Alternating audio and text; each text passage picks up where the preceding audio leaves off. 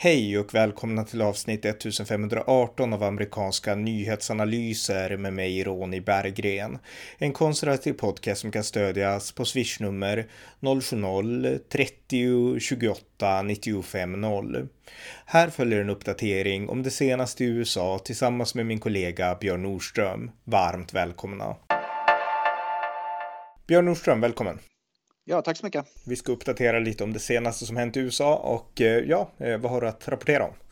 Ja, det börjar bli en liten skandal kring hur Biden har misskött, extremt misskött det här med energipolitiken i USA. De här energiföretagen här i USA går, går ut nu och säger att Biden har totalt, det är katastrof det han har gjort. Han har helt enkelt totalt, um, vad ska man säga, genom att stänga ner den här Excel pipeline, vi har pratat om det förut, genom att helt enkelt hoppa på idén att allt ska bli då grön energi och, och, och, så vidare och så vidare.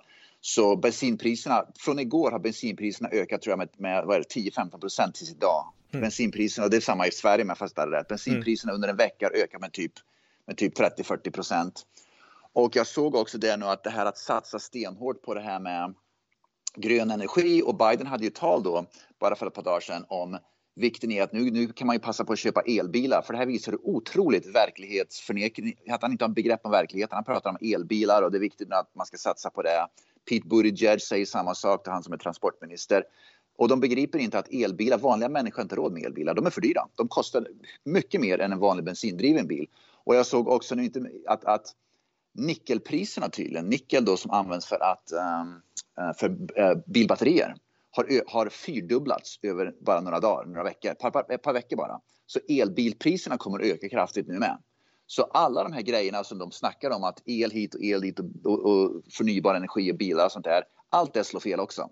Så att återigen så återkommer vi till att Biden har fullständigt förstört den här ekonomin, liksom energipolitiken som då Trump startade. Mm. Och, och, för att göra det ytterligare värre så nu måste Biden krypa till korset för i, var det går eller förrgår nu han, han deklarera att han kommer att stoppa olja, oljeimport från Ryssland. Nu istället kommer han att gå till Saudiarabien, men framförallt till Iran och Venezuela istället. Så nu kommer han kasta massa pengar till Iran och Venezuela, vilket inte är den bästa idén heller. Va? Men han vägrar öppna upp för att USA ska återgå till en, en, en bättre energipolitik. Ja, det är vansinnigt. Jag menar, han borde Helt öppna vansinnigt. Excel pipeline igen och liksom öppna på USAs oljereserv. Alltså USA är ju i grund och botten oberoende på ett sätt. Vi, vi i Europa är ju jätteberoende, men USA är ju ja. inte det om man bara vill. Liksom. Absolut inte. Jag menar, jag, jag har läst mycket om det här nu faktiskt. Och vad ska man, oljeföretagen och delstater som, som är det, Montana, South Dakota och andra delstater som, som de säger att vi, har, vi, vi, kan producera massvis. Men eftersom Biden har lagt ner så mycket så kan vi liksom inte bara det är inte bara att man slår på pumparna imorgon så börjar det flöda utan det kommer att ta ett par år innan det kommer att börja flöda igen och så vidare. Va? Så att han har liksom, det är lite grann som kärnkraften i Sverige. Va? Att man, när man väl slår av det så är det svårt att dra igång det igen. Det tar ett tag att dra igång det igen. Va? Mm. Men det är det han har gjort. Han, han har totalt förstört energipolitiken och, och det här kommer att bli ett långvarigt problem. Alltså, bensinpriserna börjar skjuta i höjden uh, redan nu. Det, det märker man redan vid pumpen. Va? Och jag såg också att eh, Biden han höll ett tal då när han, han, han ljuger också. Han, det här tar ju inte svensk media upp överhuvudtaget. Va? Men i sitt tal så står han och säger att vi har gett fler licenser till oljeföretag för att kunna borra på federal mark och så vidare. Och så, vidare. så de har sina, de har sina Eh, de har sina eh, 9000, jag tror han nämnde siffran, 9000 licenser finns för att kunna borra, borra olja och så vidare. Och så vidare va? Men då läste jag en respons från uh, företag, uh, energi och oljeföretagsledare. De skrev att han totalt missleder om allt sånt där. Han, I hans state, uh, förlåt, tal för ett par dagar sedan så blåljuger han om sånt. Därför att det är så mycket hinder och så mycket byråkrati för att kunna överhuvudtaget få borra. Och sen så många av de där licenserna var på marker på liksom, där, man, där det inte finns någon olja överhuvudtaget. Va? Så att med andra ord, han står och ljuger och fintar bort folk och säger att det, finns, att det är oljeföretagens fel att det inte borras olja. Men det han vägrar säga att det, finns, det är så mycket byråkrati så oljeföretagen kan inte borra. Därför att nummer ett är på fel ställe, nummer två det är helt enkelt så mycket byråkrati så att de liksom inte kan gå igenom en sån där process och börja borra därför att Biden har så mycket byråkrati i vägen. Samma byråkrati om du minns som Donald Trump flytt, tog bort. Obama han var en av dem som instiftade hur mycket såna regleringar och byråkrati som helst för allting. Va? Mm. Och, och, Trump sa ju rakt ut att när han, han, jag kommer att plocka bort massa sånt. Det var ju det som gjorde att, att, att uh, energin i USA då började produceras på mycket mer. Just för att um, Trump uh, tog bort mycket av, de där, uh, mycket av den här byråkratin och de här regleringarna så att, så att företagen inte behövde hålla på med byråkrati utan kunde istället gå och borra olja och liksom göra sitt jobb istället för att hålla på och bråka med federala myndigheterna konstant. Mm. Just det. Helt brutalt alltså. Det, man, man verkligen ser nu hur oerhört katastrofal Biden är för inrikespolitiken i USA. Det, det, det är borta, man är liksom helt förbluffad. Att, att, och det var här, du och jag ju pratat om sånt här, att det här kommer ju att ske.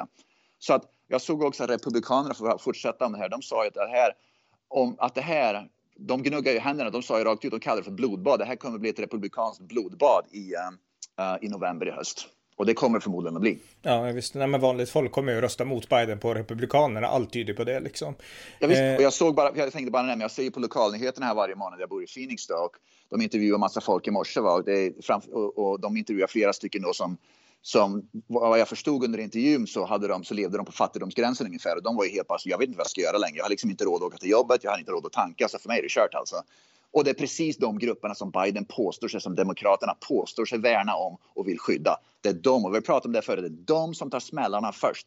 Rika människor i USA är inte de som, om bensinen går upp en dollar per gallon eller två, tre spänn per liter, rika människor, det bryr de sig inte så mycket om. De som lever på marginalerna bestraffas omedelbart stenhårt och det är det som Demokraterna och Biden inte verkar begripa. De har ingen verklighetsförankring i det. Nej, nej, verkligen. Och på tal om verklighetsförankring, ett annat ämne. Jag läste en artikel som är väldigt intressant i Los Angeles Times nu eh, och den heter eh, Latino Evangelicals used to shun politics. Will they now become a right wing force? Och här pratar man ju också mycket om då att evangelikala har alltid varit republikanernas, en av republikanernas kärnväljare. Vita evangelikala protestanter då liksom.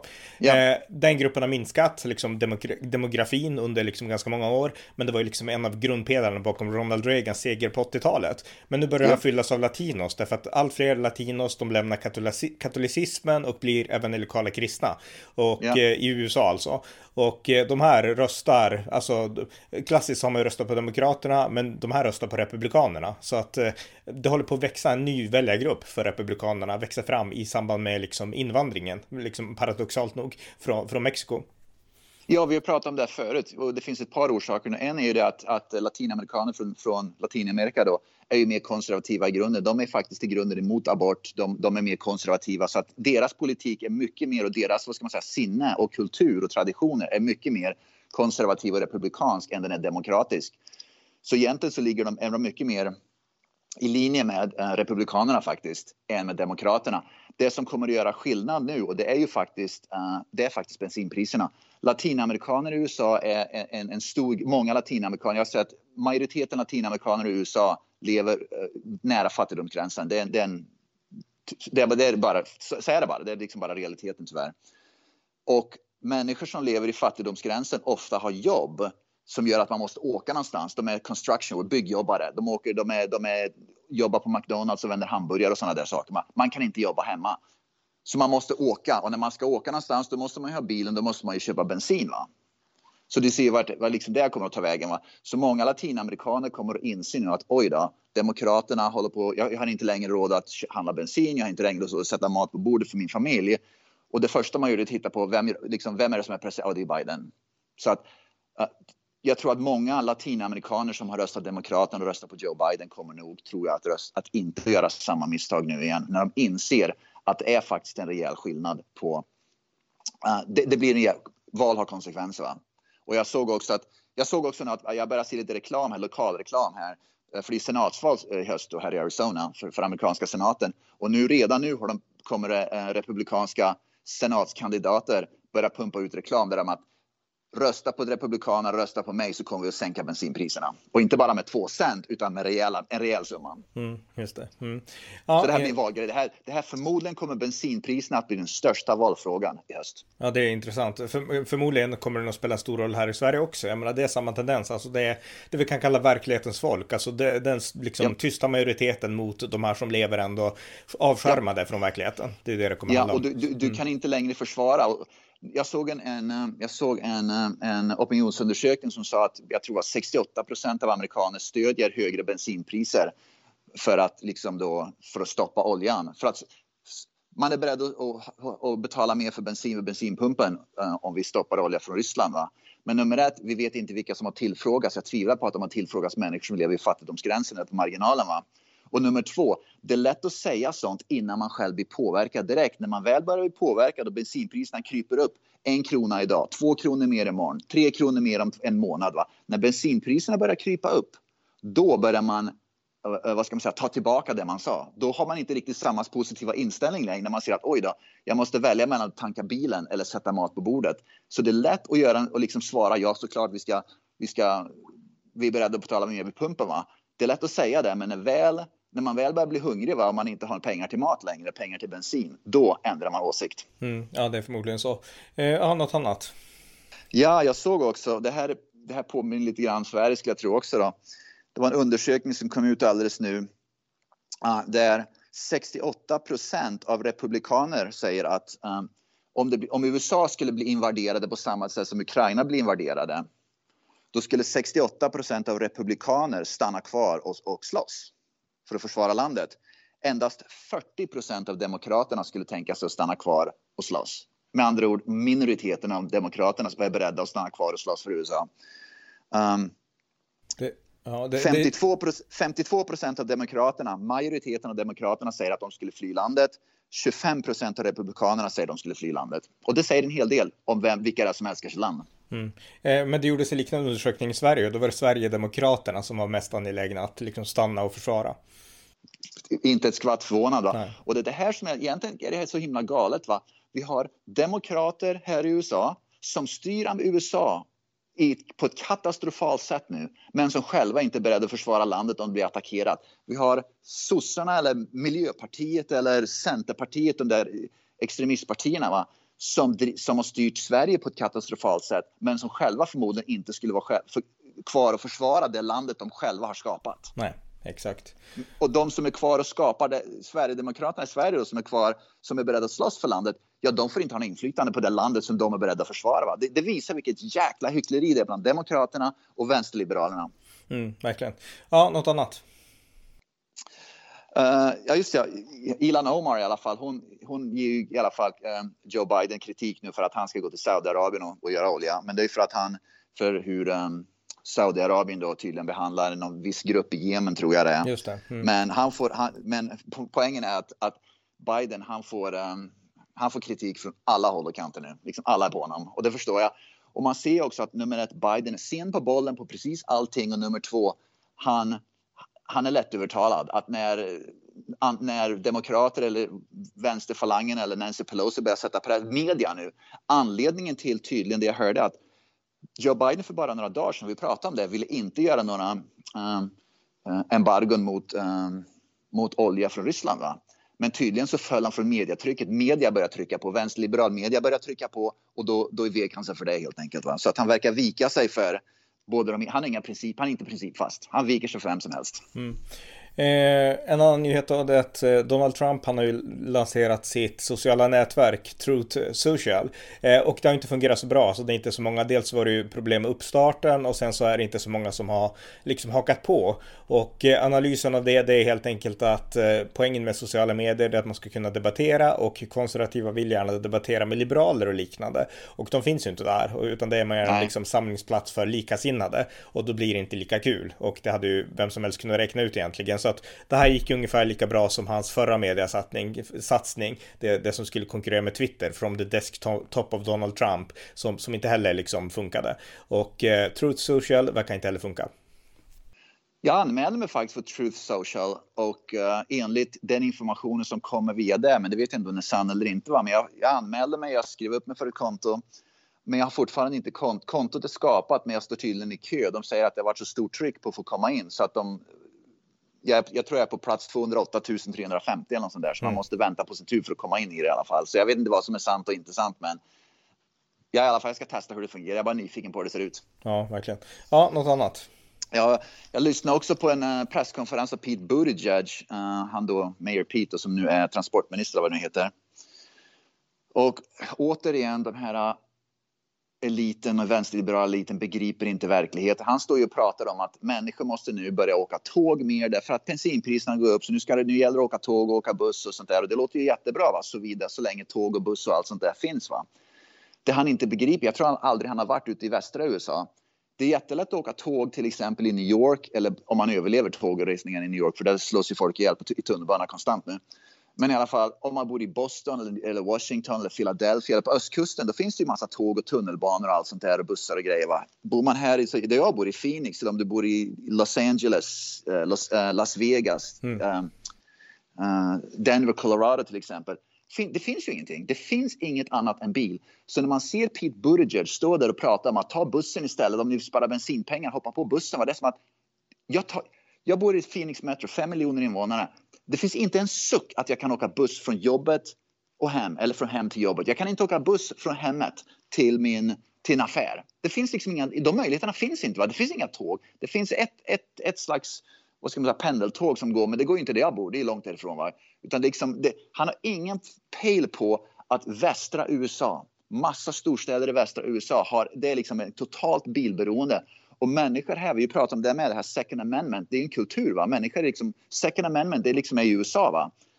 Bilar är västra USA. Det är, en, det är en bilkultur precis som en vapenkultur här som du omöjligen kan bryta. Västra USA är mycket, mycket, mycket starkare bilkultur än östra USA. Ja.